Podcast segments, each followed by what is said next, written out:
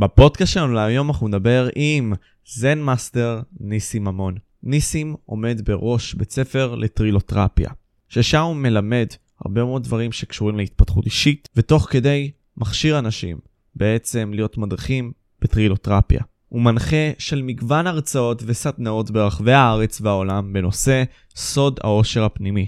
אירועים שמנגישים לנו את האפשרות באמת להיות מאושרים באמצעות השיח הטרילוטרפי בין הראש שלנו לרגש שלנו והאני האמיתי שקיים בתוכנו. בנוסף פרסם ניסים מספר ספרים בעברית ובאנגלית, ביניהם חוכמת המזרח, סוד העושר הפנימי ותרגום לספר הטאו, הטאו טאי צ'ינג. כמו כן אפשרי גם להאזין לניסים בכל מה שקשור למדיטציות שהוא מעביר וגם אתם יכולים לעקוב אחריו ביוטיוב. בפודקאסט דיברנו על הרוע שיש בעולם ואיך בעצם אנחנו יכולים להבין אותו, להכיר אותו, להתמודד איתו וליצור אולי עולם יותר טוב. מאיפה הוא הגיע? ניסים מספר על זה. דיברנו באמת על ההתנהלות של איך לצאת אל החופשי, איך להגשים את עצמנו, איך באמת לצאת ממצב שאנחנו מונעים מעצמנו מלהיות מי שאנחנו, אנחנו הופכים למה שאנחנו רוצים להיות. ניסים גם מדבר על זה. דיברנו הרבה מאוד נושאים פילוסופיים, והיה מאוד כיף. מקווה שתהנו מהפרק חבר'ס, אני אישי נהניתי מאוד.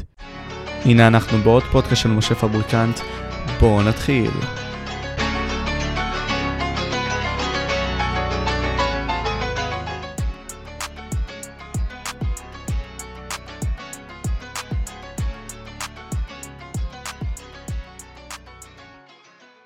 ניסים אמון. קודם כל, באמת, תודה רבה לך על התרומה שלך במהלך השנים האלה. כל מה שאתה עושה, בין אם זה הרצאות, ראיתי מלא הרצאות שלך. נגיד באוניברסיטה, אה, זה היה האוניברסיטה הפתוחה, אתה עשית על הטרילותרפיה, הלכת על הרבה מאוד פודקאסטים שראיתי, תרגמת את הספר הטאו טה צ'ינג ורשמת כל כך הרבה ספרים. באמת, כל הדברים האלה יהיו בתיאור למטה למי שמתעניין. אתה השפעת כל כך הרבה. ואתה יודע איך נתקלתי בך בכלל? באמת. איזה מקסים אתה. לא, אבל זה באמת נכון. דיברתי, אמרתי לך לפני השידור, ממש, ממש לפני דקה, אמרתי לך באמת, המשימה שלי הייתה לקרוא את המאה הכתבים הכי משפיעים בהיסטוריה, בשביל להבין את הרוע. הרוע בסופו של דבר, לדעתי, מונע מחלק מההשפעות האלה. כלומר, הוא קרא את אותם כתבים, עשה מישמש בעצם של רעיונות, ובכך יצר איזשהו תוצר מסוים שהוא פחות טוב. ואם אני אדע אותו, בסופו של דבר אני אדע איך לנגד אותו וליצור עולם יותר טוב. אולי, אני לא יודע, כי מה זה טוב. אבל אז נתקלתי שמה בך, כי אתה תרגמת את הספר הטאו טי צ'ינג. ובאמת, אתה העלית לי חיוך, כי ניסיתי לתפוס אותך כבר הרבה מאוד זמן, ועשינו את זה, ומימשנו את זה. אז באמת, בוא אני אשאל אותך אפילו לפני כן, מה גרם לך לתרגם את הספר המדהים הזה, ומה העומק שלו? כי אנשים, אני מניח שלא יודעים.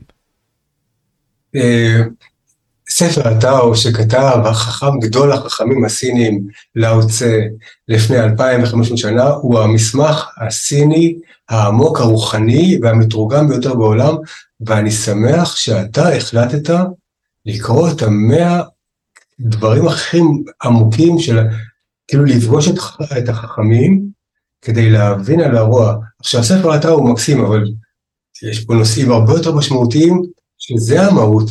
תן לי רגע להיכנס לפה, ואחרי זה, כי פחות מעניין איך הגעתי לזה, ו... וסיפורים, it is not about me, אמ, הייתי במלחמה בלבנון וזה השפיע עליי ויצאתי למסעות וגיליתי חוכמה אדירה במזרח ו... וזה מה שאני עושה מאז. ו... ובוא נדבר עכשיו על העולם כי אתה, בן כמה אתה משה? אני בן 20, ממש לפני שלוש שבועות נעשיתי בן 20. תשמע, קודם כל מזל טוב. תודה רבה. החלפת קידומת לגיל חדש. יס. אה, מדהים שמישהו בן 20 יוצא למסע התפכחות, ואתה גם מעז לגעת בנושאים שהם אה, אה, קצת אה, אחרים ודורשים פתיחות מחשבתית. בוא אני אעשה לך קצת סדר, כאילו תשמע, זה מה שיפה בפודקאסט. אני בבית, אני יש לי זמן, אני יכול לספר לך סיפורים, כאילו אתה יושב פה איתי. ו, וסיפורנו מתחיל, סיפור האנושות החדש, מתחיל בשומר, אתה קורא על שומר? לא, האמת שלא. תשמע, זה, אני עכשיו, ב, אני חוקר שומרי כתחביב, הרי אני מורה לרוחניות בחוכמת המזרח, אבל שומר העתיקה, ארץ התרבות.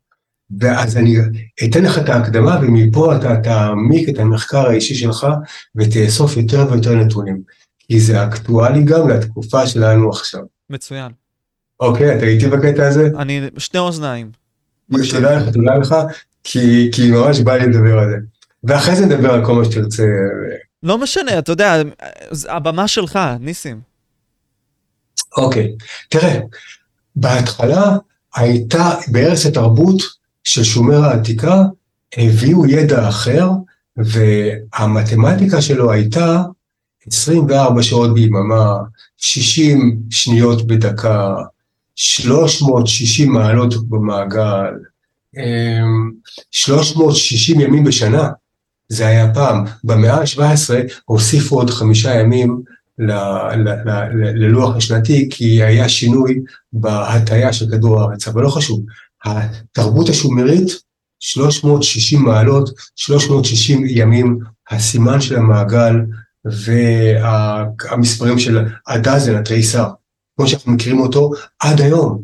תפיסת הזמן היא עד היום כזו, והמון מקומות אחרים משתמשים במתמטיקה הזו, אבל אז הגיעו לפה אה, מכוכב אחר, הגיעו לשומר, אה, זה כמו אלים, חייזרים, חוצנים, הגיעו ישיבות חכמות יותר, אבל הם לא כל כך נחמדים. והם לימדו את איננה. איננה היא כאילו נכדה של אחד מהם, ואיננה, וכל זה כתוב בלוחות השומרים. לפני uh, כמה זמן שוב פעם? ששת אלפים שנה. וואו, אוקיי. אנחנו מדברים על עוד ימי, קרוב לימי מסופוטמיה.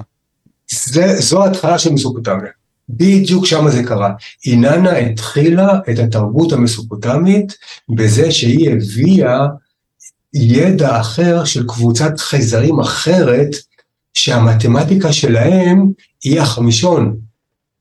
ואם הסמל של ה-360 זה מעגל, הסמל שלהם הוא או משולש אה, אה, של פירמידה, או הכוכב שהוא חיצים. מה שאיננה הביאה זה תרבות אחרת כוחנית, פירמידית, שבה הכוח מרוכז למעלה, ולמטה אה, מודל של עוני. המודל החדש שהגיע לאנושות. של המתמטיקה העשרונית. זה מודל שהוא, ההיגיון שלו אחר, והוא רע, והוא נוקשה, והוא שליטה ודיכוי וכיבוש ועבדות. עד אז לא, היו, לא הייתה עבדות. איך אנחנו, אתה איתי בינתיים? כן. הערים הראשונות לא היו להם חומות, כי זו הייתה מתמטיקה אחרת והתרבות, החברה הייתה אחרת. בשלב מאוד מסוים התחילו להיות חומות. למה שמים חומות לעיר? בסופו של דבר להפריד מאזרחים אחרים, אה, למנוע מרוע מסוים להיכנס לתוך העיירה, כל מיני כאלה. וזו התקופה שהתחיל הרוע להיכנס. בחיפוש שלך אחר הרוע, הייתה תקופה שלא היה רוע.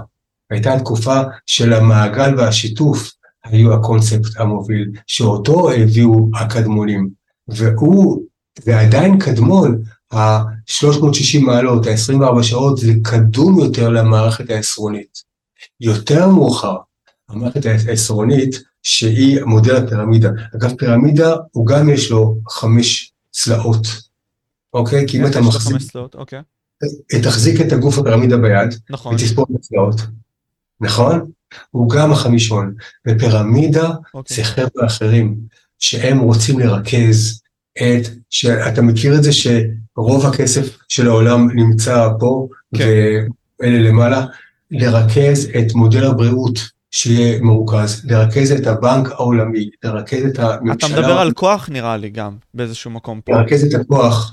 כל המודל הזה של עבדות לא היה קיים פעם. היה שבט, והיה עוד שבט, היה מעגל, היו אינדיאנים, היו נפגשים, מעשנים אה, שלום, וזה אני, זה אתה. היו מלחמות, אבל כמו מלחמות של דובים בטבע, אה, לא מה שיש עכשיו, מודל אחר לגמרי. עכשיו, זה ההבדל בין רוחניות ודת, דתיות. הרוחניים זה אנחנו בצניעות, שזה ביחד, שיתוף, אחווה, הוגנות, שוויון, והפירמידה זה דת, כהן ראשי, רב ראשי, אפיפיור, להוריד את ה... לתקשר אה, את הלמעלה אל, ה, אל, ה, אל ההמונים, כל דת, גם הדת ההודית, אנחנו למעלה אברהמינים ולמטה זה untouchables, גם הדת הנוצרית, גם הדת היהודית, כל הקונספט של דת הוא קשור לשליטה, והקונספט של רוחניות הוא אחר לגמרי, ולכן השאלה הגדולה, כאילו האם אפשר להיות, הרי אתה יכול להיות או רוחני, או דתי, או לא זה ולא זה, או גם רוחני וגם דתי. האם אפשר להיות גם רוחני וגם דתי? תשמע, אנחנו ממש הפכים. והעולם היום, מי שמנהל אותו, זה החבר'ה של הפירמידה. כל האילומינטי, כל הסמל הזה של הפיר, אה, בתי המשפט, אה, הם גם כן... אה, אז בוא ננתח את זה באמת, כלומר, אתה, אתה סיפרת לי פה את העניין הזה שנכנס הרוע לפני כששת אלפים שנה, במקום מסוים, כן. אני רוצה לשאול ולאתגר את זה, כלומר, יובל נוח הררי אמר שהמהפכה הלשונית התחילה לפני כ-40 אלף שנה, 50 אלף שנה, משהו בסגנון הזה. ומכאן... מה אתה אומר? זה הטובים הביאו. זה הטובים. עכשיו... כן.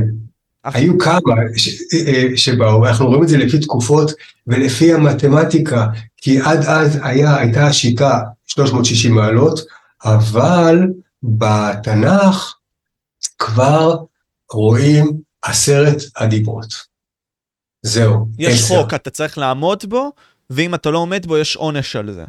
שזה, שזה השיטת הלימוד, עשרת הדיברות, חוקים, בית המקדש, אם אתה זוכר, היו צריכים לתת מעשרות לבית המקדש, וגם היה הצבא היהודי, הישראלי, היהודאי, אה, קציני עשרות, קציני מאות וקציני אלפים. אנחנו בתנ"ך רואים שהם מאוד מאוד אוהבים את השיטה העשרונית, וזה דת.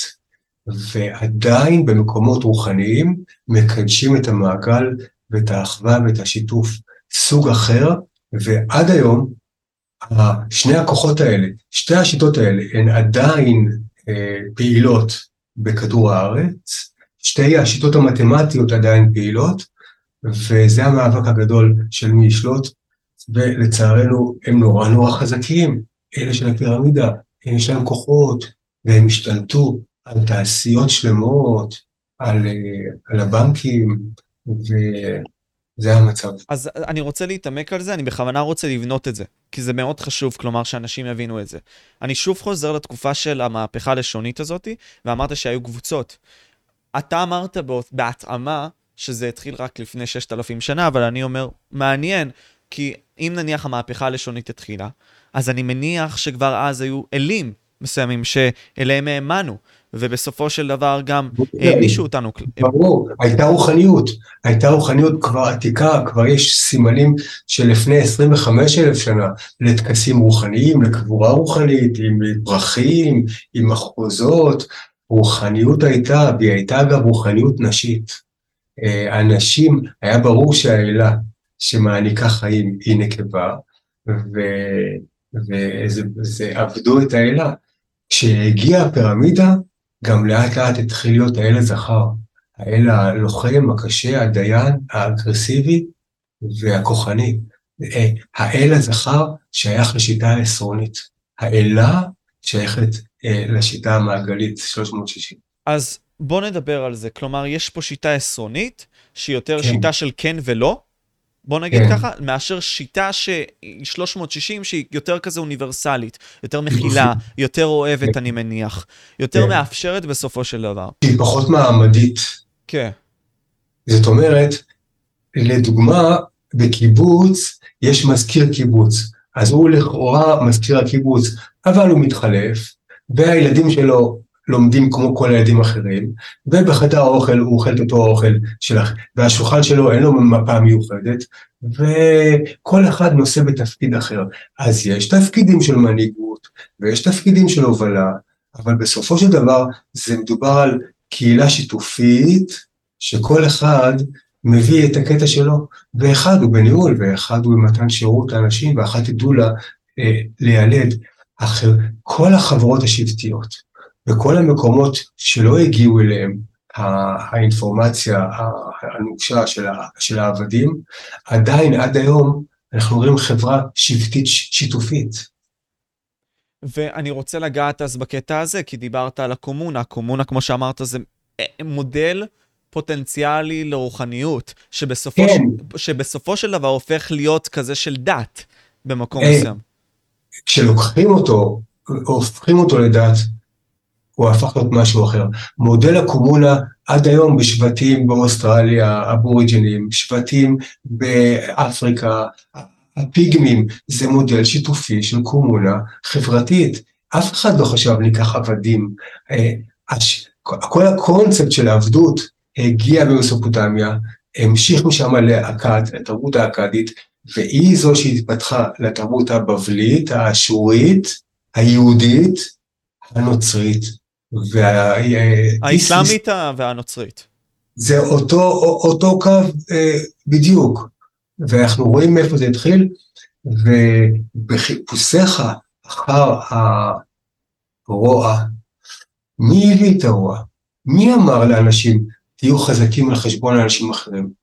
מי אמר שכדי שתהיה מאושר, זה, אתה צריך לדרוך על אנשים אחרים? הרעיון הזה הופיע מתישהו. תקופה ארוכה חקרתי את העבדות. מה זה העבדות? איך היא הגיעה? ו, ונדהמתי לגלות שהכנסייה בארצות הברית אה, אישרה את העבדות. העבדות קיבלה היתר של רוחנים, דת רוחנית, מורים רוחניים של הכנסייה. איזה קטע מוזר זה? אני, בכוונה אני רוצה שוב פעם לתת פושבק אחורה, כי זה, מה שאנחנו אומרים פה, אני, אני ואתה מרגישים את לאן אנחנו הולכים. אני רוצה שהצופים ירגישו את זה גם. אני רוצה שאנחנו ניתן קונטקסט בנוגע לרוחניות ובנוגע לדת. היכן זה שונה? כן. כי, כלומר, אני מסתכל על זה בתור הבן אדם הטיפש, כן, בצופה מהצד, ואומר, רוחניות אולי זה משהו של אמונה שלי עם הבורא, או נגיד סתם היכולת שלי פשוט להיות עם עצמי. ולהתהדר עם עצמי. כן. לבין דת, שזו מין סוג של קבוצה מסוימת, שמאמינה בסיפור, שכולנו מסכימים עליו, ויש כן. מין סוג של מוסדות, כמו נגיד סתם, אתה דיברת על הכנסייה הנוצרית, יש נגיד סתם את בתי הכנסת, ומחייבים אותי גם, בשביל לשמור את המצוות ולקבל את הדת עצמה, ללכת לאותם בתי כנסת, מאשר לעשות את זה בבית שלי, או בכל מקום שאני רוצה. כן, דת, מניין, הקונספט של דת הגיע ביחד עם קונספט של התנשאות, אנחנו צודקים, אחרים טועים, יותר מזה, אנחנו אמיתיים ואחרים אפשר להרוג אותם, אה, כי הם חוטאים, כי הם כופרים. מאיפה זה בא הקונספט הזה? מתי נכנסה כל כך הרבה אלימות, או לתת לגיטימציה לאלימות, לצורך עבדות? כי אה, הם הבינו ש... מי שרוצה להיות עשיר, צריך אנשים אחרים שיעבדו בשבילו, והיו צריכים להצדיק את זה, וכמו שאמרתי קודם, הכנסייה בארצות הברית, הם אמרו שזה בסדר שיהיו עבדים אפריקאים. מטורף. כי משתי סיבות, הם אמרו, סיבה אחת, ישו לא היה נגד uh, עבדים. ישו, ישוע, uh, שהוא היה איש מאוד מיוחד ומקסים, ישוע אמר, אה, תהיו נחמדים לעבדים שלכם. הוא לא אמר, אה, אין דבר כזה, אסור שתהיה עבדות, כמו שאומרים היום. אז דבר אחד, ישו קיבל את העבדות, ודבר שני הם אמרו, זה העונש של בני חם. וכתוב בתורה שבני חם קיבלו עונש, אה, והם אפריקאים, ולכן שיהיו עבדים. שתבין שדת מקדשת כשצריך דברים נורא הזויים, כמו עבדות. נכון. וזה מגיע לעמדות כוח באיזשהו מקום, ואתה יודע, אנחנו מספרים לנו את הסיפור הזה תמיד. אתה לא הולך לבית כנסת, אז אתה לא מאמין. אין לך היבט ש... לא, זה גנובים הם, זה נורא נורא פוגע ומעליב. הם אומרים, הם לקחו מונופול, כאילו שהם אוחזים בדת, והדת היא הרוחניות, וכל השאר, אתה יודע מה קורה עכשיו בהפגנות וכל ה... כאילו, הם חושבים שאנחנו, אין לנו רוחניות. הם חושבים שאנחנו תינוק שנשבע, הם אומרים, ושאנחנו עגלה ריקה, הרוחניות שלנו קיימת והייתה תמיד קיימת, הם דת. אגב, גם באסלאם שהיה רוחניות סופיזם, הוציאו את זה מחוץ לחוק. כל פעם שהייתה רוחניות, הדת נלחם ברוחניות וצובעת לעצמה. טוב, איזה מעציב זה. בוא, בוא נדבר על דברים... לא, לא, לא, לא, אני רוצה להתעמק על זה, לא, לא, אני ממש רוצה לנדבור בזה, כי זה חשוב. ניסים, אני גם רואה את הלהט שלך, אני רוצה להמשיך את זה. כן, אבל, והכאב, הכאב. אני בכוונה עושה פושבק, אני עושה הרבה מאוד פושבק מהסיבה הפשוטה הזאת, כי אני ואתה הולכים למציאות כזאת שהדת בסופו של דבר היא מקור הכוח שמפריד בינינו וגורם לנו למלחמה בהרבה מאוד מהמקרים. היום זה הדת, הדת הפוליטיקה, סתם דוגמה, אומרת לנו שהשמאל והימין הם רעים. בתקופת החיסונים זה היה כל העניין הזה של מתנגדי החיסונים. אז נגיד כן. סתם, היית מאמין במדע, אז זה המתנגדי החיסונים לצד האלה נכון. שהאמינו בחיסון. נכון. וזה בעצם הדבר הרע, לצד העובדה הזאת שאתה יכול פשוט לחיות. והרוחניות הזאת שיש בך אמונה כלשהי, ואתה לא חייב להאמין בקבוצה מסוימת, בסיפור מסוים, אתה יכול פשוט נכון. להאמין בזה בצורה האישית שלך, במקום שישלטו עליך דרך הנרטיב שהם מכתיבים עליך. ברכות לך על המסע שלך לעשות סדר, למצוא מה האמת ומה כוחניות ושליטה. ואיזה מגניב שאתה בן 20, יש לך עוד 100 שנים לחיות, ואתה הולך להוביל משהו. אתה עוד צעיר, אבל uh, בעתיד, כשתהיה בגילי, בן 60, מעניין מה אתה תעשה, uh, ולאיפה תיקח את זה. ואתה, ואתה תגיד, כשהייתי בן 20, התחלתי להבין שמה שרואים זה עובדים עלינו בהמון מקומות, פשוט עובדים עלינו. בוא נתעמק על זה עוד טיפה, לפני שאנחנו ניגש גם אליי, והרבה מאוד דברים מסוימים, גם רציתי לעלות איתך בשיחה, כי אמ, קודם כל באמת תודה רבה על המחמאות האלה. ומצד שני אני גם אומר, יש הרבה מאוד דברים ופאקים במישור האישי שלי, שנגיד סתם כמו להיות קשה עם עצמך, אתה דיברת על זה הרבה מאוד בדברים שאתה מתעסק בהם, להיות קשה עם עצמך, שזה לא טוב כן. במקום מסוים, שאתה כל מיני דברים כאלה שאני אתעמק איתך בנוגע אליהם, כן? ואני מרגיש שגם חלק מהאנשים שלי, שגם רוצים להצליח, הם קשים עם עצמם, שמים על עצמם הרבה מאוד אחריות ולא נותנים לעצמם טפיחה על השכם, ואני חקרתי את עצמי מספיק בשביל להבין את זה. אני אשים את זה בינתיים בצד, ניסים, ואני אשאל, אתה דיברת על האלה בכוח. דיברת על האלה שכביכול שולטים עלינו, זה מין סוג של דת מסוים, אמרת שזה מין סוג של פירמידה מסוימת, שלפני ששת אלפים שנה בערך, עוד מימי מסופוטמיה זה נבנה, שבעצם כן. לקחו בני אדם שבאו להתקיים ברוחניות כלשהי, כי רוחניות כמעט תמיד הייתה, לקחו אותנו וגרמו לנו להילחם אחד בשני בגלל סיפורים מסוימים שהם הסבירו לנו. אז איפה אתה רואה את זה היום? דיברת על האילומינטי, דיברת על אנשים כוחניים.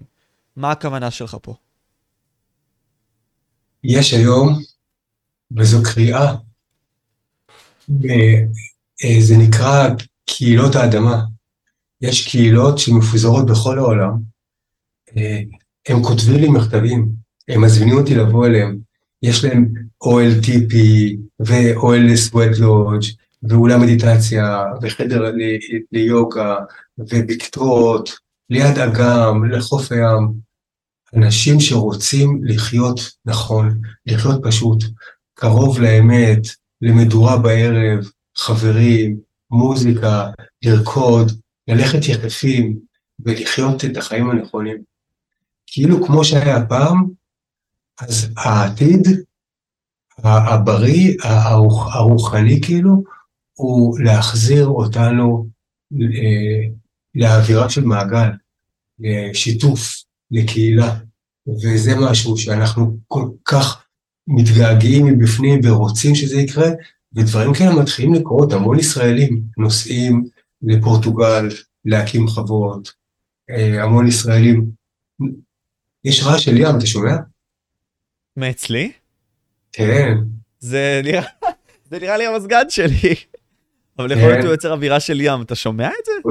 הוא עושה אווירה, אם הוא זז אז הוא עושה את ה... לא שומעים אותו במיקרופון למזלי, אז אני כן. בסדר, אבל מעניין, אוקיי. אז אה, רוחניות ודת. והיום יש הדתות בירידה. אה, אנשים פחות פונים, מוכרים כנסיות באירופה. פחות אנשים באים לכנסיות. חוץ מהאסלאם, שיש שם איזה קטע, האסלאם, שמתחזקים כל כך, הם, הם כאילו לא רק דת, הם הפכו להיות הכל. אז זה סוג של... אה, ואני יודע שאתה מתעמק בדברים של קידר, אז אה, אני, אני די בטוח גם שהתעמקת בזה. נכון, כלומר... כן, אני אוהב אותו, הוא איש חכם. העניין הוא, לדעתי, וזה מעניין, כלומר, יש פה עניין מסוים של בורות לצד דתות. ואני מניח שבגלל הדת האסלאמית היא דת שמורכבת מבורות כחלקה, כלומר אנשים בורים, וזה סיפור אטרקטיבי ביותר, אז יש פה עלייה מאוד גדולה של הדבר הזה לשליטה כלשהי על פי הסיפור הזה. כי נניח למדתי לפני כמה ימים על uh, קיצור תולדות ההיסטוריה של יובל נוח הררי. שוב פעם, מעניין אותי כלומר כל העניין הזה. והוא דיבר על זה שעד 150 איש אפשרי, אתה יודע, כן, לעשות דבר, מה... מבנה ארגוני מסוים של פשוט פניות אישיות. כלומר, אני יכול לדבר איתך במישור האישי, ניסים לדבר איתך, להבין איך הולך עם משפחתך והכל, אבל בסופו של דבר... אה? שזה גודל השבט. שזה גודל השבט, ולאחר מכן, כשאנחנו באים לארגונים, אתה כבר לא יכול ליצור את העניין הזה של השבט, כמו שאתה מדבר. ואנחנו צריכים כן. לספר להם סיפור מספיק, מספיק אטרקטיבי כן. בשביל ללכד אותם. כן. כן. לא הייתה ברירה. לא הייתה ברירה, כן. אבל בואו נהיה חכמים מספיק, כי ההצלחה הגדולה היא מעבר לאושר והישרדות, היא רוחניות. זוכר את אה, פירמידת הצרכים של מאסלו? כן. אז בהתחלה זה הישרדות, אבל אז עולים קומה לאהבה, למשפחה, לחברות, ואז עולים קומה להגשמה אישית, ואז עולים עוד קומה, הוסיף עוד קומה לרוחניות, ואלה של הקושי תמיד מורידים אותנו למטה, שנהיה בפחד, שנהיה במצוקה, שנהיה במגפות, בהתחממות גלובלית, משטרה, אה, אסור דברים, איסורים. אה, אנחנו רוצים להתקדם ולעלות למעלה, והם לא רוצים שנעלה. כל מי שלא רוצה שנתקדם בפירמידה, הם, זה לא נעים, אבל יש שם את הרוע הזה שאתה דיברת עליו קודם.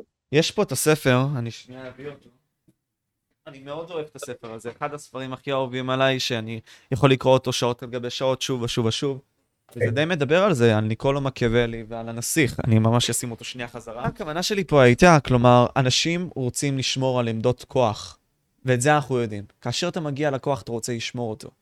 אז אתה כן. אומר לי פה, שעל פי הרבה מאוד סיפורים שהם מספרים לנו, הם מונעים מאיתנו מלהגיע ולממש את עצמנו. כלומר, אתה יודע, אני מדבר על זה, הם מספרים לנו עצמנו סיפורים שאתה יודע, אתה לא צריך לעשות את זה, אתה צריך ללכת בדרך התלם, מרגילים אותך לעשות משהו, כמו במערכת החינוך, כמו בכל שאר כן. המערכות. תעשה כן. אותם. אל תשאל יותר מדי שאלות, תעשה את מה שמבוקש עליך לעשות. כן. אל תערער את החוקים.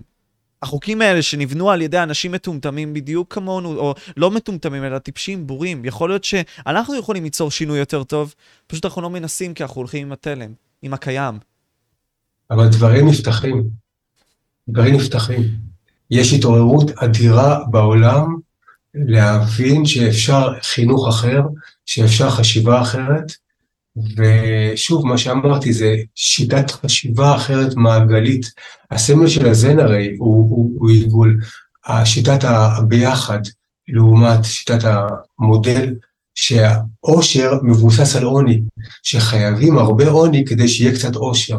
זו שיטה שהיא נלחמת על חייה כאילו בזמן האחרון, אנחנו אומרים ככה, כי, כי די, כי מתחיל לבוא רצון לשינוי, אנחנו רוצים להיות מאושרים, רוצים שיהיה לנו טוב, רוצים להתקדם כך, כי אין באמת צורך לאנושות להיות בשכבה למטה של ההישרדות.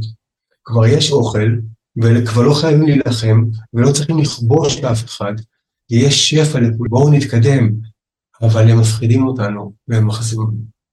זה המאבק עכשיו. בני האדם לא אוהבים מלחמות, בני אדם לא אוהבים שמשקיעים כל כך הרבה כסף בנשק גרעיני, אבל עדיין השלטונות, יש להם את הרומן הזה עם הכוח. ואתה יודע, זה לוקח אותי לספר הזה של סיבסטיאן יונגר, לא יודע אם אתה מכיר אותו, הוא דיבר על שבטים. והוא דיבר על זה שהמדינות הכי עשירות, איכשהו יש להם את אחוז הדיכאון הכי גבוה. בעוד yeah. כן. במדינות הפחות עשירות, יש את אחוזי הדיכאון הכי נמוכים. כלומר, במדינות כן. הפחות עשירות, אנחנו מדברים על מדינות לא מערביות, לפתע אנחנו רואים פי שמונה פחות דיכאון פר אוכלוסייה, כלומר באחוזים. גם. ואתה אומר, איך זה קורה? איך זה קורה. ניסים? איך זה שאנחנו חיים בעידן של כל כך הרבה עושר עם עין ואפשרות למימוש עצמי בחברה המערבית הזאת, וכולנו בסופו של דבר סובלים? לא בדיוק איזה מקסים אתה, קבל חיבוק, ו... הייתי רוצה להבין לך באמת.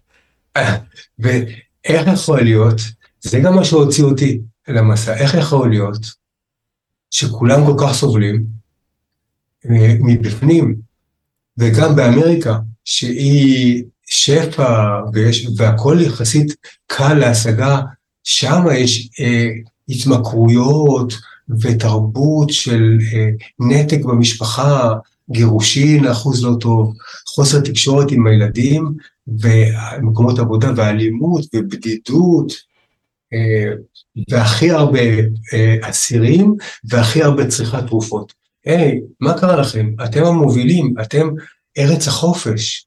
אה, משהו פה לא עובד. אפילו תוחלת החיים באמריקה יותר קצרה מתוחלת החיים בישראל. וואו. דיברת נראה לי גם על בלגיה מתישהו, ואמרת שהם לוקחים כן. פי 100 יותר, נגיד יש 11 מיליון איש, מדהים, לא? והם לוקחים כן. פי 100 יותר תרופות, כאילו, כל אחד בממוצע לוקח 100 תרופות או משהו בסגנון הזה. איך, מה, מה, מה הנתון שאמרת? הוא באמת אה, פוצץ לי את המוח כששמעתי את זה. הנתון, אני כבר לא זוכר את זה, כי קראתי את זה באותו זמן, את הספר, הנתון הוא אומר שצריכת תרופות לבן אדם, אה, אז מדובר על כאילו 100 ל, ל, לשנה, לא, 100 לחודש, כאשר יש אנשים שלוקחים כמה מאות כדורים לחודש. כן, ומדובר על אוכלוסייה של כמה, אולי 10 מיליון איש בבלגיה, משהו בסגנון. כן, בלגיה, שווייץ. בדרום קוריאה מתאבדים, אחוז, אחוז ההתאבדות הוא הכי גבוה בעולם. דרום קוריאה עקפה היום בכלכלה שלה את יפן, מרוויחים היום בקוריאה, אה, האזרח, משכורת ממוצעת יותר מאשר יפני מרוויח. היום זה התהפך, ועדיין קוריאה היא מדינה מדוכאת לגמרי. אני, אני הולך לעניין הזה של השבטים שוב, כי יובל נוח הררי דיבר על אותם ציידים בעבר. אנחנו יודעים לפי חפצים שחקרנו, ואין לנו כל כך הרבה אפשרות לחקור דברים שקרו לפני עשרות אלפי שנים, אבל ראינו שיש מבנים חברתיים ללא משפחה, שהאבא לא היה בהם והכל, ומנגד לכך היו מבנים משפחתיים עם הורים, עם מונוגמיה, עם מבנה של תא משפחתי בריא. והיום אני רואה מין סוג של תנועה כזאת, יכול להיות שרק אני היחידי שרואה אותה, אבל שבמדינות המערביות מנסים לנתק את התא המשפחתי הזה, ומנסים יותר לתת כוח לאינדיבידואל, וכשאני אומר האינדיבידואל זה להרחיק אותו מהקבוצה. או אם, אם מרחיקים אותו מקבוצה בריאה, אז שמים אותו בקבוצה לא בריאה ומרוויחים עליה כסף, כמו נניח ימין, או כמו נניח שמאל. כלומר, אתה מבין? יש אינטרס, תשמע, החליטו באו"ם שיש יותר מדי אנשים בכדור הארץ.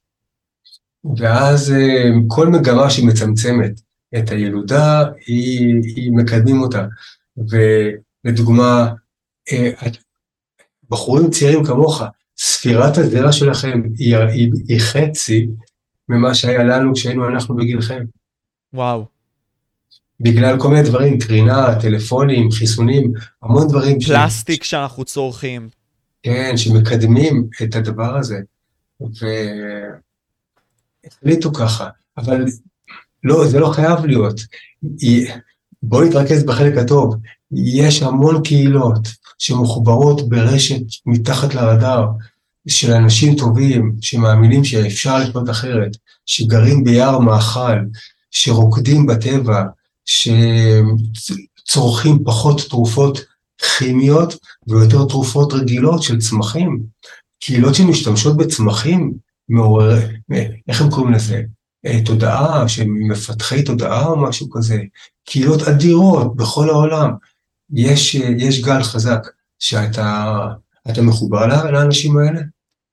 אני משתדל, כלומר, זה מין סוג של מאבק אישי שלי של לנסות למצוא את האנשים הנכונים, שמצד אחד לא מנותקים עד רמה קיצונית מהמציאות, מצד שני, מבינים מספיק ובאמת מגיעים עם ההסתכלות שלך, ניסים, אתה מבין? כן. לא מההסתכלות הזאת של ניתוק מוגזם, שאולי גם בא במטרה להרוויח כסף. אתה מבין מה אני אומר? כי יש כן. כאלה, יש כאלה שעושים את זה לא ממקום בריא. אמ, אני מאמין שכן, שיש הכל. אבל, אבל יפה הגישה שלך של לא חייבים לסבול, אפשר לחיות בצורה בריאה ונכונה יותר, וזה אפשרי עוד בחיינו, או לפחות בחייך אתה. אני אגיד לך איפה אני פסימי כאן, כי מצד אחד אני מאוד אופטימי. אני אומר, אנחנו מצד אחד מתפתחים, יש לנו את הקדמה הטכנולוגית המדעית הזאת שיכולה לתת נכון. לנו אפשרות להבין את עצמנו יותר. נכון. מצד שני, אני רואה שיש פה עניין של לחלוב אותנו, בני האדם, עד קץ. וכשאני אומר לחלוב אותנו, זה אומר כמו פרה שנמצאת במקום שלה, ופשוט מוציאים ממנה את כל החלב עד שהיא תמות ואחרי זה הורגים אותה. אני אומר פה, אני מרגיש כמו העניין הזה עם הפלסטיק, כמו העניין הזה עם נתונים מדעיים שלפתע מבולבלים והכול, בשביל לקדם אג'נדות כאלה ואחרות, שלפחות אני רואה אותם, שגורמות לנו לסבל, מאשר להתקדמות, ואפשרות נכון. לרוחניות והתקרבות רוחנית אמיתית. נכון. והם מחוברים לתקשורת, גם כן. התקשורת צריכה לספר את סיפור המכמורות שחופרות את קרקעית, שחופרים את קרקעית הים. צריכים לה, להגיד שזה לא פייר. אה, צריך להגיד שזה לא פייר, שאסור להודים לשמור זרעים של יבולים. הם חייבים לקנות זרעים כל שנה מתאגידי זרעים אה, אה, מחוץ להודו.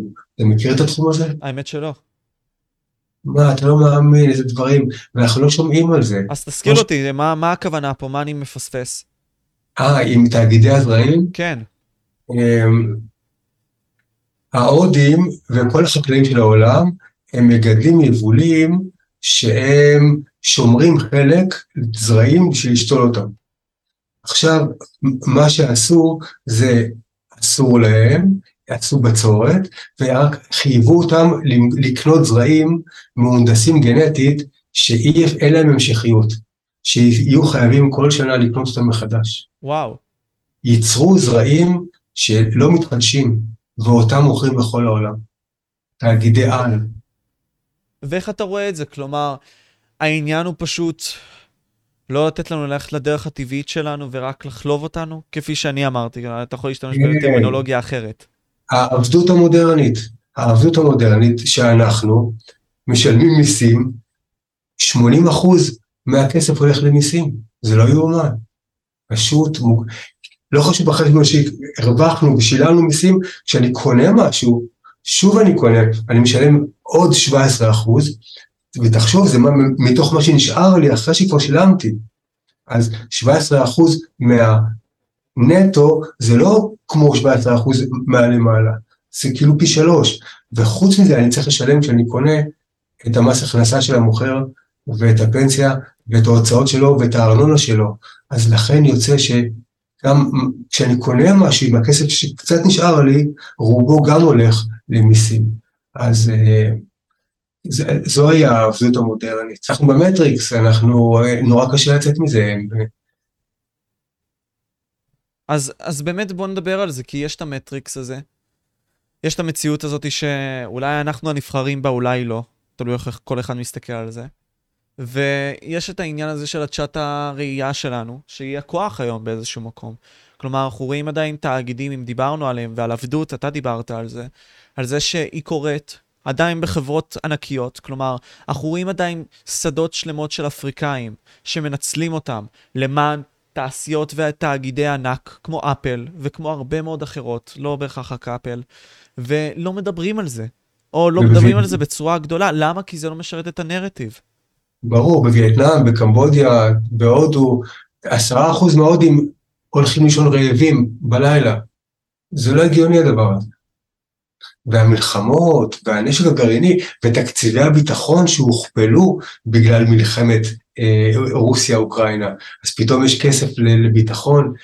אמ, אבל מצד שני יש גם אותך, תשמע, כשאתה מדבר על זה, שומעים אותך אלפי אנשים, וזה, וזה הכוח, זה כוח של התעוררות, של אה, העצמה ושל מנהיגות, ואם נוסיף לזה את האהבה, כי אנחנו לא באים ברע, אנחנו לא באים בסמל של אה, מלחמה, אנחנו, הכוח שלנו הוא כוח האהבה, אז אנחנו בסופו של דבר כן אה, ניצור את האלטרנטיבה. אז אני אשמח להתייעץ איתך בלייב, ניסים, כי זה באמת מגיע לי למקום כזה.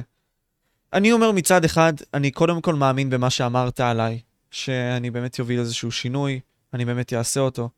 אך יש בי פחד.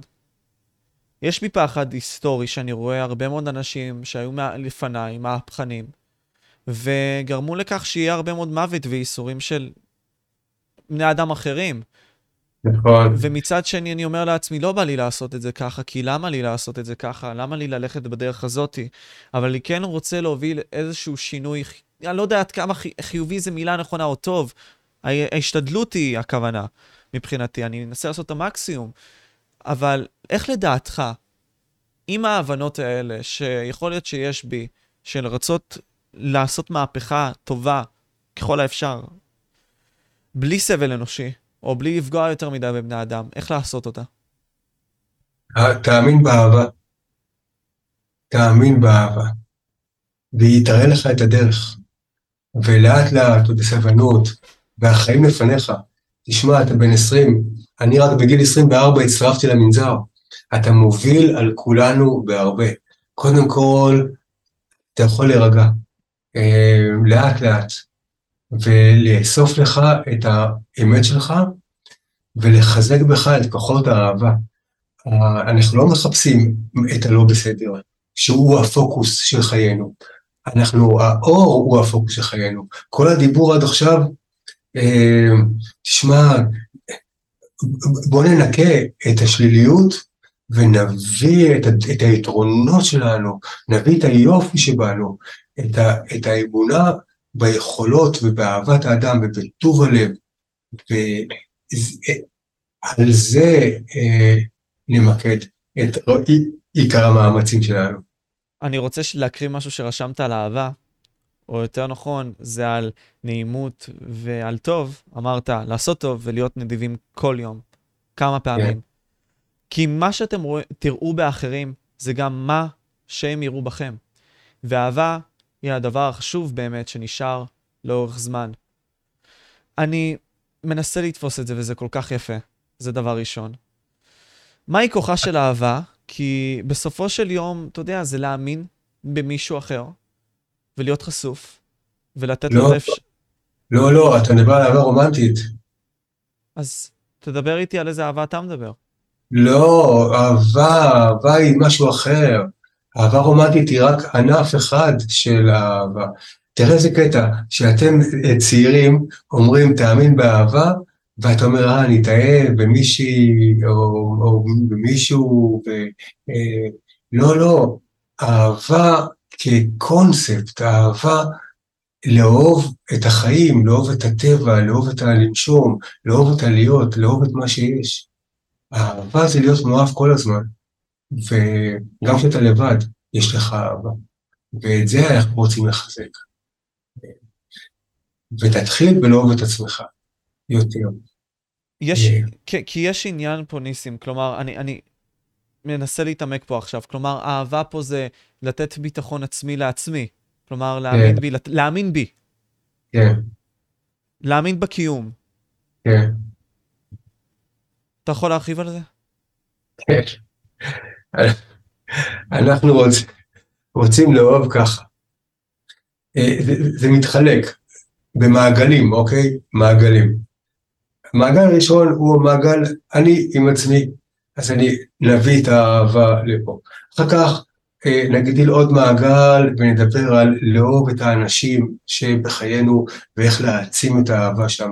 אחר כך לאהוב את העולם בכל זאת, את, את עם האדמה, ואחר כך לאהוב את, ה, את הקסם, את הנסתר, את existence, את, ה, את הדבר הזה שאין לו שם. הדבר שאנחנו לא יכולים לדבר עליו זה הפלצבו, זה האלוהים, זה בורא עולם, זה כל, כל השמות האלה, אני מניח, לא? כל השמות האלה, הקסם המסתורין, הפלא הגדול, לאהוב אותו גם ולהרגיש אהוב על ידו או על ידה. וזה מדיטציה בסופו של דבר. מדיטציה זה לבנות גשר מעל כל הבלגן ולהרגיש אהוב מעצם הווייתך. אז אה, נלמד איך עושים את זה, וזה אפשרי. ואז כשאתה אה, מהדהד אהבה, אז אה, ירצו לשמוע אותך. וכשאתה מהדהד פחד או, או, או מרירות או נוקשות, זה לא נעים, אתה לא, אתה לא טעים. בוא תהיה טעים קודם כל לעצמך ולכולם ולעולם. זה יפתח לך את הדרך הכי טוב. אז בוא נדבר על העניין הזה, כלומר, את האהבה הזאת. אתה יודע, אני מרגיש שהאהבה הזאת, קיבלתי אותה לפחות כלפי האנשים, כלפי העולם, דווקא מגיהנום שעברתי עם עצמי. וואי. ו... אנשים חושבים שהצעירים מאושרים, ומסתבר שצעירים עוברים דברים לא פחות, אם לא יותר, כי גיל ההתאבדות הממוצע הוא 22 עד 27. כן, אני זוכר דיברת על זה. כן. וכשאני אומר פה גיהנום, זה מדבר על אתה יודע, יש לי מסרים שהכנסתי לעצמי דרך הרבה מאוד חקירה עצמית והכול, על זה שיש לי רצון למות בגיל צעיר וכל מיני כאלה, זה היה עד לפני קצת זמן, כן. לא, לא, אני, אני אחדד את זה, אני אחדד את זה, אני אחדד את זה. כלומר, אנרגיה שלילית כזאת, שהיא מאוד הרסנית, שגרמה לי ל- להיות בסיטואציה של עוד שנייה תביעה, עוד שנייה טבעתי. ומהתביעה הזאת, שעוד שנייה טבעתי, קיבלתי פתאום הערכה חדשה לחיים. פתאום אמרתי כן לחיים, בצורה שלמה ופתוחה. פתאום נתינה לי האפשרות להיות אמיתי עם עצמי, להיות אמיתי עם הקיום, להיות אמיתי עם, מש... עם המשפחה שלי, עם האנשים, ולהיות כל פעם בתודעה של כן, חיוך, ולנסות לעשות טוב. דרך הגיהנום הזה כביכול. איזה יופי של מסע עברת למרות שהיית בתחתית. ו... ועברו לך מחשבות אובדניות בראש. מחשבות אובדניות על פי סיפורים שאני סיפרתי לעצמי, כן. כלומר, תמיד, אה, נגיד סתם אלכסנדר הגדול, הוא דיבר על זה של האכילס. היה מין סוג של נבואה מסוימת, שהוא ימות בגיל צעיר, אך עם, אה, מה זה היה? עם, אה, עם גדולה סביב השם שלו. וכל מיני דברים כאלה, הם ריתקו אותי. והרבה מאוד מהאנשים שהיו איידולים שלי באותה תקופה, הם אנשים כאלה. הם ריתקו אותי, כלומר, העניין הזה של להנציח את עצמך. אבל זה בא ממקום רעיל ולא ממקום של שפע. נכון, אבל תראה מה עבר, איזה תהליך עברת, שהוצאת את עצמך, ילדת את עצמך מחדש, ובעצם תהליך של התעוררות, ומי שאתה עכשיו, זה בזכות התקופה הקשה, ולכן עשית את התהליך של האלכימיה הרוחנית, להפוך את ההפרות של הסבל לזהב של אור, וזה מה שאתה עושה. ננסה טיפה להתעמק על כל מיני דברים כמו, אתה יודע, אתה מדבר בטרילותרפיה על העניין הזה של המוח לצד הלב. כן. Yeah. ודיברת על זה שהמוח מהווה לפעמים מין סוג של מחסום ללב. Yeah. כן. לעניין הזה של, יש את העניין הזה של ה... כמו שאתה אמרת באחד ההרצאות שלך, כמו פרויד, yeah. כן. יש את האגו, שהוא בעצם yeah. המווסת, יש את הסופר איגו, שהוא בעצם המוח כהגדרה, ויש את הלעיד, שזה בעצם העניין הזה שזה פשוט אתה בצורה האותנטית שלך בלי לחשוב. הרגש, כפי שאתה אומר. כן. כן. אז אני באמת רוצה שנתעמק על זה, כי הרבה מאוד פעמים אנחנו מספרים לעצמנו סיפור שמונע מהאיד שלנו, מהרגש שלנו מלהתפרץ, ואנחנו כולאים אותו, מונעים אותו, ולא נותנים לו את האפשרות להיות מי שאנחנו רוצים להיות, כי יש השלכות, כי ההורים שלנו עשו לנו, כי בעבר קרה לנו דברים. איך אנחנו פותחים את זה? הרוחניות הבודהיסטית מתחילה במה שעבודה לימד, וזה you are not your mind. זאת אומרת, האגו שלך הוא לא אתה. והאגו שלך, יותר מזה, הוא גם לא נאמן לך, הוא נאמן למישהו אחר. כי אם האגו שלך, הראש שלך, היה מקשיב לך, אז אה, היית אומר לו, תהיה רגוע. היית אומר לו, אל תלחיץ אותי, אל תביא לי לחצים. אז אנשים היו צריכים תרופות פסיכיאטריות. הסיבה שאנשים צורכים כל כך הרבה תרופות פסיכיאטריות, כי הם לא מצליחים להשתלט על הראש של עצמם, שממלא אותם בסגנון הזה של הפירמידה, בהשוואתיות, ביקורתיות, לחץ, הקטנה, ו... ולהסכים לסבול בשביל לשרוד בגלל הפחדות. כל המנגנון של הראש של האנשים הוא עובד לפי שיטה אחרת, לפי שיטת החמישון. שזה... אוקיי, הפירמידה. ואנחנו, מי שאני באמת, זה מישהו שרוצה ביחד, וקרבה, ואחדות, ההפך מבידוד, ההפך ממאבק. אנחנו, השאיפה שלנו עדיין, של כל האנשים, עדיין בתוכנו, היא שאיפה לחברים, ולדבר, ולפתיחות, ולרקוד, ולבכות, ולפשטות, ולאהבה, וליופי, ולהרמוניה.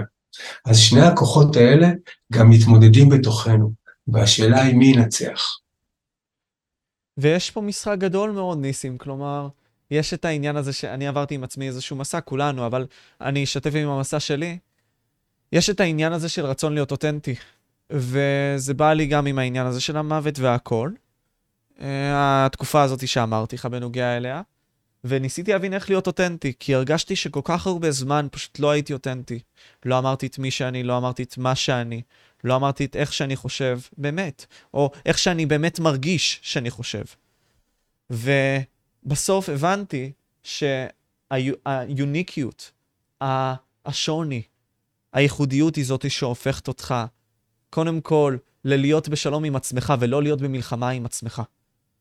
והיא נותנת לך את כל המנוע הזה, פשוט ליצור אולי משהו אחר שלא קיים, מאשר להיות חלק מאותו צבא של אנשים שהולכים אחר אותה פירמידה שאתה מכנה.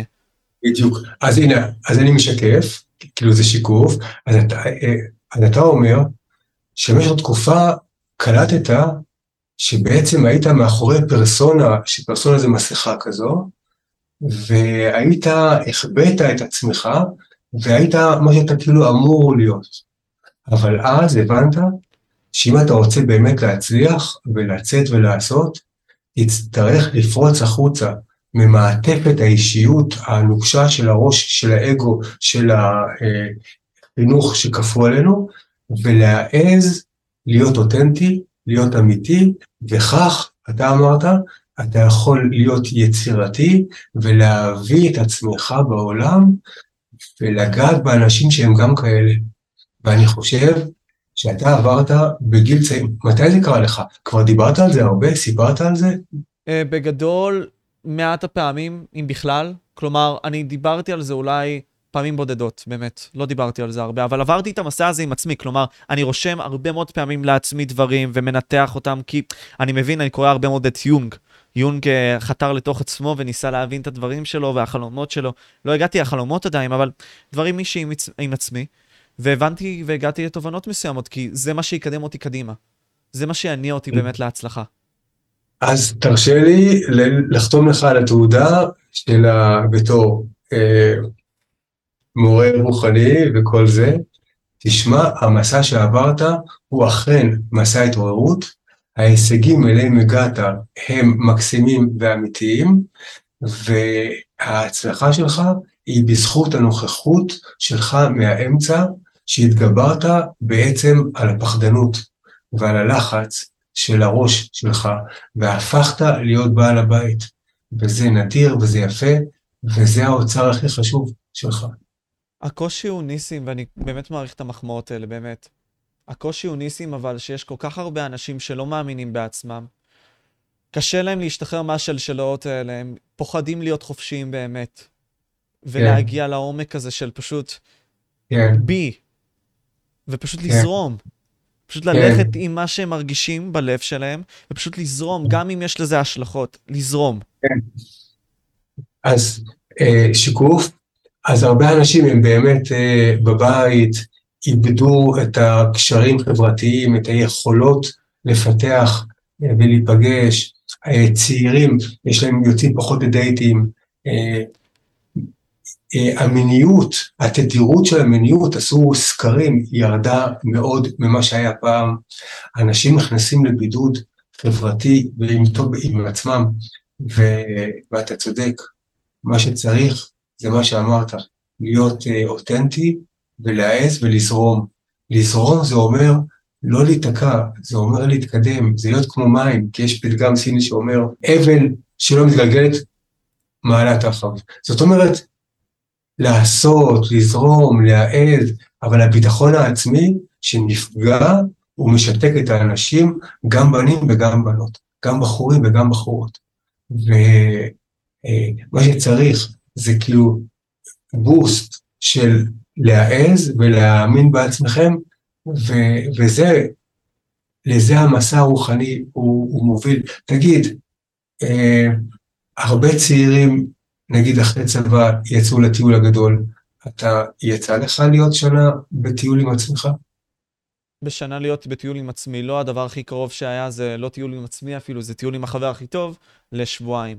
ולא באמריקה או משהו בסגנון, ברומניה. אז הטיולים האלה של מקומות גנובים שבזול ושאכסניות וצעירים וחופי ים, דרום אמריקה, פרו, אקוודור, גואטמלה, סרי לנקה, הודו, אה, וייטנאם, קמבודיה, תשמע, צעירים בשנה הזו מגלים את עצמם. אני כל כך שמח שזה קורה, כי זו רוחניות. יש תהליך שעובר אצל הישראלים, לא רואים אותו כל כך הרבה בעולם. נכון. אבל מסתכלים כאילו מאחרי הצבא, מהתסכול שמותר להם, בשנה הזו הם מוצאים את עצמם, הם נחים, הם נרגעים, הם מבינים, והם מפתחים ביטחון עצמי, והם קולטים שהם כיף לדבר, וכיף לעשות, וכיף להעז, וכיף לאהוב, וזה מקדם אותם רוחני, אני מאוד בעד מסעות כאלה. אני אגיד לך איפה אני תופס את זה, כלומר, המציאות נותנת להם את הפידבק הזה של, אוקיי, אתה מי שאתה עכשיו, אתה עוד תלמיד, אתה סטודנט של החיים, אתה עוד כן. מתחיל, ומשקפים להם את זה, כי אתה לבד. ופתאום כן, כשאתה לבד... מה אתה אומר? ואתה מקסים, ואתה אהוב, ואתה לא לבד. ומותר לך ליהנות, ואתה עושה, ומתנשא, ורוקד, ואנשים, אתה, אתה, אתה כוכב, אתה מרגיש, אתה מרגיש שאתה על הגל. זה השנה המאושרת בחיים, שנת חופש. לא הרבה כסף, אבל הרבה חופש. וזה מעניין, ניסים, כי יכול להיות שיש בי עדיין פערים מסוימים שאני כאילו, מבחינה טרמינולוגית גם, אולי לא מבין, כי אני אמרתי, נגיד סתם על העניין הזה של אה, האנשים שנמצאים באמריקה והולכים לשם, המציאות מעצבת אותם, כי היא נותנת להם להיפגש עם הרנדומליות של החיים, והרנדומלית yeah. הזאת, בסופו של דבר, זה הטבע. והטבע כביכול מוביל אותם, כי אין להם תוכנית, אין להם מחשבה של מה לעשות. הם הולכים פשוט עם הזרם וזורמים. יכול להיות שמחר הם יסיימו אה, בסוף העיר, ועוד הם יתחילו בתחילת העיר. למה? כי הם פשוט זורמים. כן. והזרימה הזאת מעצבת אותם ונותנת להם הבנה של מי הם. כן, כן. איזה כיף. ואני אומר אז, אוקיי, הרבה מאוד אנשים מונעים מעצמם את זה, כמוני סתם לדוגמה. באמת, אני אומר לך עכשיו, ניסים, אני אתן לך שיקוף אישי שלי. אני כל הזמן בבין, כל הזמן בעשייה, כל הזמן בזה. אני יודע שלפעמים אני צריך לעצור. אני לרוב לא נותן לעצמי טפיחות על השכם. לרוב. למרות שאני אומר שאני בדרך הנכונה, אין הרבה מאוד טפיחות על השכם. אני ביקורתי מאוד. אתה חייב לחזור מזה. זה ההורים שלך מלחיצים אותך? המציאות באיזשהו מקום שאני כופה עליי עם הסיפור... המציאות, אתה בן 20. הסיפורים שאני מספר לעצמי הם אלה שדוחפים אותי למחשבות כאלה. אוקיי, אבל אם היית אומר לעצמך, הכל בסדר, 500 פעם ביום, לאט לאט היית מתחיל להאמין בזה.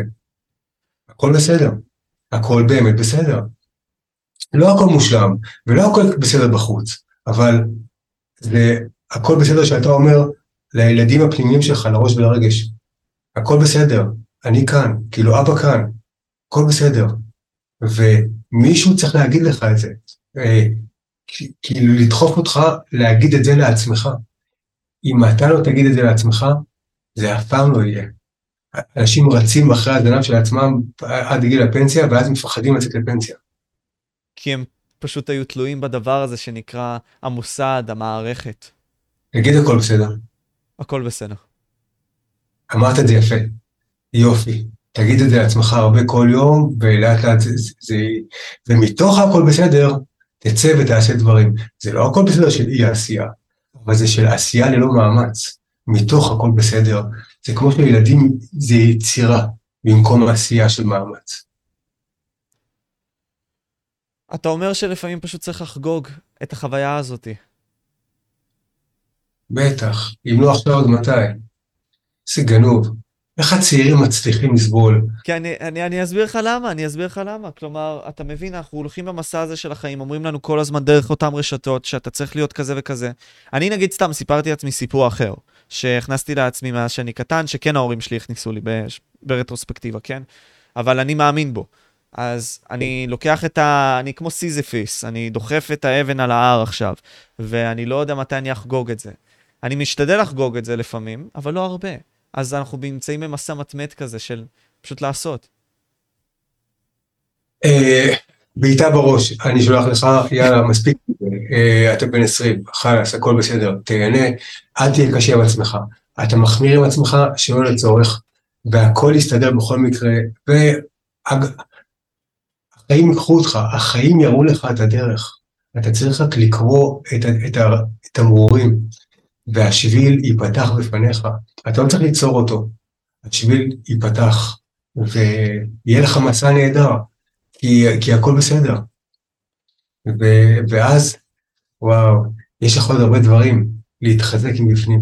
אז תשמע את זה, אוקיי? והאמת היא, כאילו, יש לי בית ספר אה, של פיזיותרפיה, שמעביר אנשים את המסע הזה בדיוק. להשכין שלום בין אני ועצמי. אה, זה, זה תהליך שאומר, במקום להיות אני קשה עם עצמי, ביקורתי עם עצמי, לא סומך על עצמי, שולט על עצמי, לא מרוצה מעצמי, לא מרשה לעצמי לרקוד, לא מרשה לעצמי לבכות, תתייחס לעצמך כמו שהיית מתייחס אל מישהו שאתה אוהב. איך זה בתור קונספט? אני מנסה לחשוב עליו. הייתי מנסה, אני, אני, אני אגיד לך, יכול להיות שהגישה שלי מאוד uh, אינטנסיבית כזאת, אבל הייתי דוחף אותו לעשות את המקסימום שלו, ולתת לו למצוא את עצמו, ו... אבל כן הייתי אומר לו, זה בסדר גם לפעמים להגיד לעצמך שאתה בסדר, שאתה מספיק, שאתה נכון, עושה מספיק. נכון. נגיד, יש מישהו שאתה אוהב, אה, נגיד הבת שלי, אני אוהב אותה. אז בלילה לפני השאלה אני אגיד לה, למה לא עשית ככה, ולמה לא הגית ככה, ולמה... או אני אגיד לה, לילה טוב, חלומות פז, הכל בסדר. מה אני אגיד לה? לילה טוב, חלומות פז, הכל בסדר. אז גם תתייחס לעצמך כמו שאתה מתייחס אל מישהו שאתה אוהב. אבל אני אגיד לך מה, כלומר, אני קיבלתי את זה קודם כל, ניסים, ואני אנסה ליישם את זה. באמת. אוקיי. כבר מהיום בלילה. באמת. מהיום בלילה. כן, לגמרי. זה דבר ראשון. כי אני אגיד לך איפה אני תופס את זה, הרבה מאוד חברים שלי הם יוצרי תוכן. והם רודפים אחרי התהילה הזאת, ולא רק הם, אנחנו חיים בדור של 15 דקות של תהילה. בגדול הצעירים. שכל אחד הוא כוכב. כל אחד רוצה להיות עכשיו העשיר, כל אחד רוצה להצליח. כן, נורא מוזר. אינסטגרם, תמונות של מסעדות, ובריכה של מלון חמישה כוכבים, צעירים בגילך מתהדרים, ופעם זה לא היה לנו, אנחנו לא תיארנו לעצמנו שאנחנו אפילו נהיה בכאלה מקומות בתור צעירים, ועוד שנצלם את זה, ועוד נראה את זה לכולם, כל כך העולם השתנה. איזה 15 דקות, 15 שניות, 5 שניות סרטון שכולם מעלים של תהילה והצלחה. ולאן זה לוקח אותי? התכוונתי להגיד כאן, הם מחפשים רק ללכת אחרי הטופ ולא מבינים שזה תהליך, והתהליך הוא עם הטבע, והטבע הוא מסתורין בהרבה מאוד מהמקרים והוא רנדומלי. בדיוק. והעניין בדיוק. הוא שזה מכניס אותנו בהרבה מאוד מהמקרים למה שנקרא התפלפות, ולא בקטע גם הטוב של העניין. אנחנו פשוט נכון. נכנסים דרך הזנב של עצמנו ולא מבינים איפה אנחנו, ושופטים את עצמנו ומאכילים את עצמנו סרטים, ניסי. נכון. וזהו, המטריקס לקח אותם. למה? זהו. תספר לי על המטריקס הזה כפי שאתה רואה אותו. אה, תראה, אני צריך לחשוב כאילו איך להתנסח בצורה שהיא, אה, שהיא לא, לא תפריע לה, לא תכעיס אף אחד. מה שאתה, אה, מה שאתה צריך. כן, כי אני עדין מטבעי, אבל החירות, אתה צריך, המשימה שלך היא לאהוב את היום שלך, שיהיה, לאהוב את הבוקר, לאהוב את הצהריים, לאהוב את האחר הצהריים, לאהוב את הערב, ולאהוב את הלילה, ולאהוב ללכת שום הלילה. ואת זה לבנות נכון. אנשים מקריבים את, ה, את האושר שלהם בגלל איזשהו משהו עתידי לא ברור, רודפים אחרי איזשהו, כמו סוס שרודף אחרי גזר שקשור לו במקל לקצה האף. הצליחו להשתלט לאנשים, השדרן הפנימי הוא לא רגוע. אני אספר לך את הסיפור הזה ככה, ו... וזה הסיפור הרוחני שלנו להיום, אוקיי? תאר לך שיש לך, זה הגוף, הגוף הוא בניין, ובקומה למעלה יש עמדת שידור, ובקומה למעלה גר שדרן, והשדרן משדר שידורים. גם לך, אתה הבניין, אתה כאילו בגוף, ובקומה למעלה יש לך שדרן שמשדר לך שידורים שמתחילים באיזה שעה בבוקר. מאיזה שעה בבוקר זה מתחיל בשש וחצי אצלי. עד איזה שעה בלילה? 11 לרוב. והשדרן משדר לך שידורים ללא הפסקה. עכשיו, השדרן שלך, אתה אומר לי, הוא מלחיץ, הוא בעייתי, הוא השוואתי, הוא תחרותי, הוא הישגי, הוא ביקורתי, הוא... רגע. אה, אתה, מי הבעלים של הבניין? אתה. מי הוא קהל המאזינים של תחנת השידור? אני, אני לא יודע, שאלה מעניינת. אני? מי המממן של, של הבניין הזה? אני בסופו של דבר. אוקיי, אתה. האם בתור הבעלים, בתור קהל המאזינים ובתור המממן, האם יש לך זכות אה, להתערב בלוח השידורים? ברור, אני חופשי. כן, האם אתה מצליח? כן, רוב, אני, רוב, רוב הזמן האנשים, לא. רוב האנשים לא. רוב האנשים סובלים מאוד מהשדרן שלהם. השדרן שלהם משגע אותם, הוא אף פעם לא מאושר, הוא תמיד שלילי, הוא פסימי, הוא יורד עליהם. בחורות צעירות, הוא אומר להם שהם דימוי גוף שלילי, אתה מכיר את זה? שקח בחורה, שהשדרן שלה יורד על דימוי גוף, ובסוף היא לא תלבש בגד ים, היא לא תתאהב, היא ת, ת, תתבייש ל, אה, להוריד את הבגדים אה, כשיהיה לה חבר. עד כדי כך, השדרן גורם לאנשים לשיתוק, ולפחדים שהם הולכים לפסיכיאטר ואומרים, דוקטור, תן לי כדורים שהשדרן יהיה יותר חיובי. דוקטור, תן לי כדורים שהשדרן יהיה יותר, אה, פחות לחוץ. דוקטור, תן לי כדורים בלילה להרדים אותו, כי אני לא מצליח להירדם כי הוא אוכל לי את הראש. אז כשהם מגיעים למקום רוחני, אז כמו שאמרתי קודם, you are not your mind, זה אומר, היי, hey, אתה לא השדרן, אתה המאזינים של השדרן, אתה הבעלים של הבניין, אתה הבעל הבית, אתה צריך להתעורר, ואז לתת לך פטיש חמישה קילו, ותעלה למעלה, ותשבור את קיר הזכוכית, ותיכנס לעמדת השידור, ומה תעשה לשדרן? פשוט תפצח אותו עד שהוא לא יבוא ויגיד yes to life. אה, כן, לפגישה טיפה אלימה, אבל ומה עוד תעשה? יותר הגיוני ויותר פשוט. אבקש ממנו פשוט בבקשה שיתחיל לדבר בצורה אחרת. נכון, זה לא עובד, ואז מה תעשה? אני לא יודע. ואז תיקח את המיקרופון ותדבר בעצמך ותשתלט על עמדת השידור ותגיד yes to life והר הבית בידינו וזוהי ההערה הבודהיסטית שהבודה דיבר עליה. יש, אני לוקח את זה לשיקוף האישי שלי בפילוסופיה, המערבית. יש את העניין הזה של להיות אותנטי, וסארטר מדבר על זה, שיש לך אחריות. האחריות הזאת זה החופש שלך. כלומר, responsibility is your ability to respond to life. יש לך את היכולת להגיב לחיים, ואתה בוחר איך להגיב לחיים. זה כמובן מסע, ובסופו של יום, העדשת ראייה שלך מר, מסבירה בשבילך איך אתה מסתכל על החיים, אבל אתה יכול לבחור גם להגיד, כמו שאתה אומר, כל יום, אני שמח, או לחייך, ואתה באמת תחייך. אפילו אם זה מזויף טיפה, לגרום נכון. לזה שזה יהפוך נכון. למציאות, וזה קורה. כן, כן. וזה כן, קורה. ולהגיד הכל בסדר, אלף פעם ביום. ואני כן, באיזשהו מקום, כשאני חושב על זה ברטרוספקטיבה, אני האומנם קשה עם עצמי והכל, אבל אני מאוד אוהב את החיים. אני אומר כל, תודה כל יום לאלוהים, כי באמת, תדמיין, אני נגיד סתם חי חיים שאני כל כך שמח עליהם, כי הסקריפט פשוט הולך בצורה כל כך טובה, וגם כשהוא לא הולך בצורה טובה, פשוט אומר תודה על זה שזה לא יכול להיות יותר גרוע. כי זה יכול להיות יותר גרוע, וזה דרכה של העולם. להיות בהודיה זה אחת התכונות של האמצע, של בעל הבית, כי השדרן הוא כל הזמן עסוק בלמצוא מה לא בסדר. ולהיות בהודיה זה למצוא מה כן בסדר, ולהכיל את זה, ולהודות על זה. וזה כבר מי שאתה באמת. זו דמות האמצע.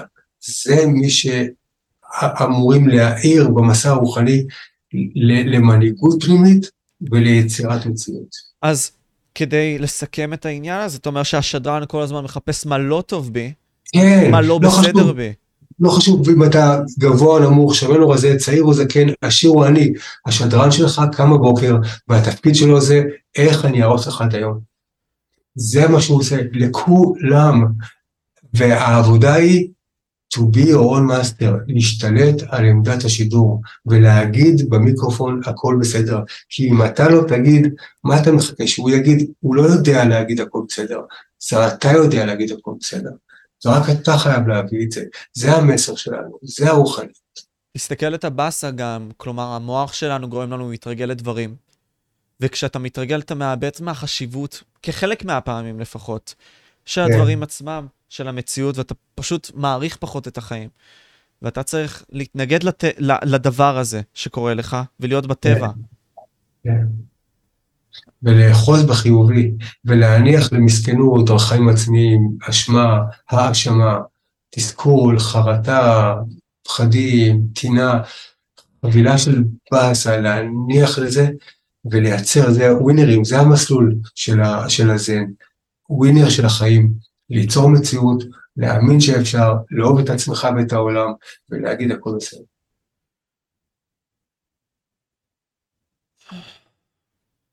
כשאתה אומר את הכל בסדר, לא, אני, אני, אני אגיד לך למה אני לקחתי את הנשימה הזאת, כי כשאתה אומר הכל בסדר לחיים, פתאום הכל נעשה יותר רגוע. אני נגיד, כן. לוקח את זה למישור האישי שלי, ואני רוצה כן. שגם אתה תספר את זה, איך אתה מרגיש ביום-יום שלך.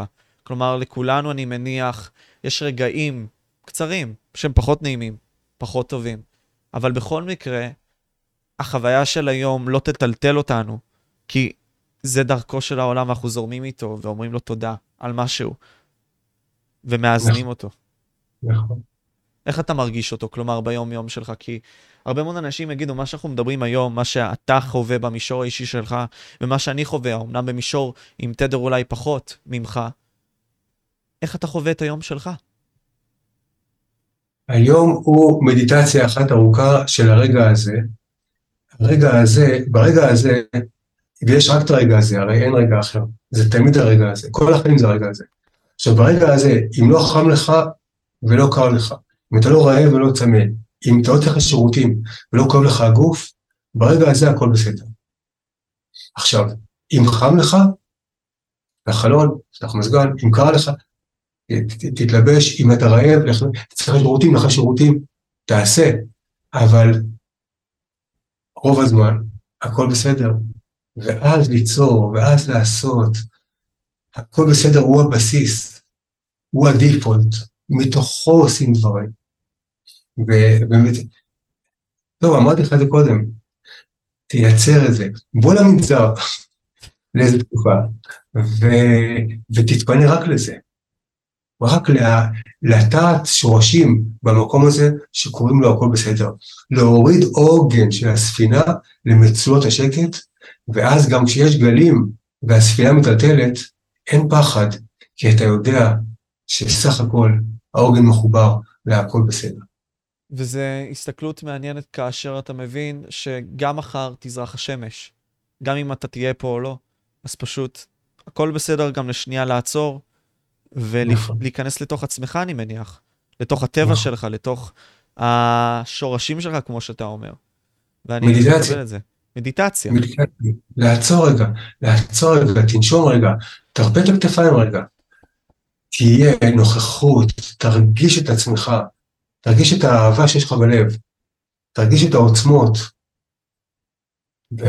ותדע לך, מבפנים, אתה לא בן 20, אתה נשמה עתיקה, כל האנשים, כל האנשים שנמשכים לרוחניות, נשמות עתיקות, להתחבר לידע קדום שיש בתוכך, להתחבר לעוצמות ולאור ול, האינסופי שבך, ותאהב את זה, ואתה במסע החיים, ואתה פה באת לתקופה מרתקת של האנושות, ומעניין מה היית בחיים הקודמים, ומעניין מה תעשה בחיים האלה. קח את זה לאט, הכל בסדר, תאמין בדרך, ושיהיה לך טראסט. אה, הדברים קורים, יש כזה קטע, יש, תסמוך על הדבר הזה. זה, זה, זה לא גורל, כי אתה יוצר את הגורל שלך בעצמך, אבל יש מישהו שאוהב אותך, או משהו שאוהב אותך, ושומר עליך, ואליו, אל הקסם הזה, אל הפלא הזה להיות בהודיה. אלה המרכיבים שיעפו אותך להיות הדגם, המודל המוצלח, השלם, באחדות, אה, ואז הכל יבוא לך עם פחות מאמץ ויותר אה, באהבה ואור גדול. וזה לוקח אותי המטריקס בזה שאנחנו הכל, אנחנו אחד. אנחנו האחד. נכון. אתה, כן. ולכולנו יש את הכוח בעצם להשפיע על הכל, וליצור לעצמנו הכל. תגיד את זה לעצמך כל הזמן. תגיד הכל בסדר. אנחנו הבורים של העולם שלנו. העולם, כל אחד קיים בעולם של עצמו, והוא יכול לברוא אותו. יש עולם, אתה יכול לשאול את העולם של עצמך, ואז עולמות אחרים ישתנו גם. אבל תתחיל עם עצמך, וההתחלה היא, הכל בסדר, באמת, ברגע הזה, הכל בסדר. וזה תמיד הרגע הזה, אין רגע אחר. ואני שוב פעם חוזר לביטחון העצמי הזה, כי אתה מדבר על טראסט, על האמון, האמונה בעצמי. זה נראה לי המכשול של הרבה מאוד מבני גילי. כי אתה דיברת על אותן בנות צעירות, ששופטות את עצמן, שאומרות עד כמה הן לא יפה, שמחפשות את הלייקים. ובנים גם, אה? ובנים גם, פוחדים, בנים פוחדים ליזום, להעז, להתחיל.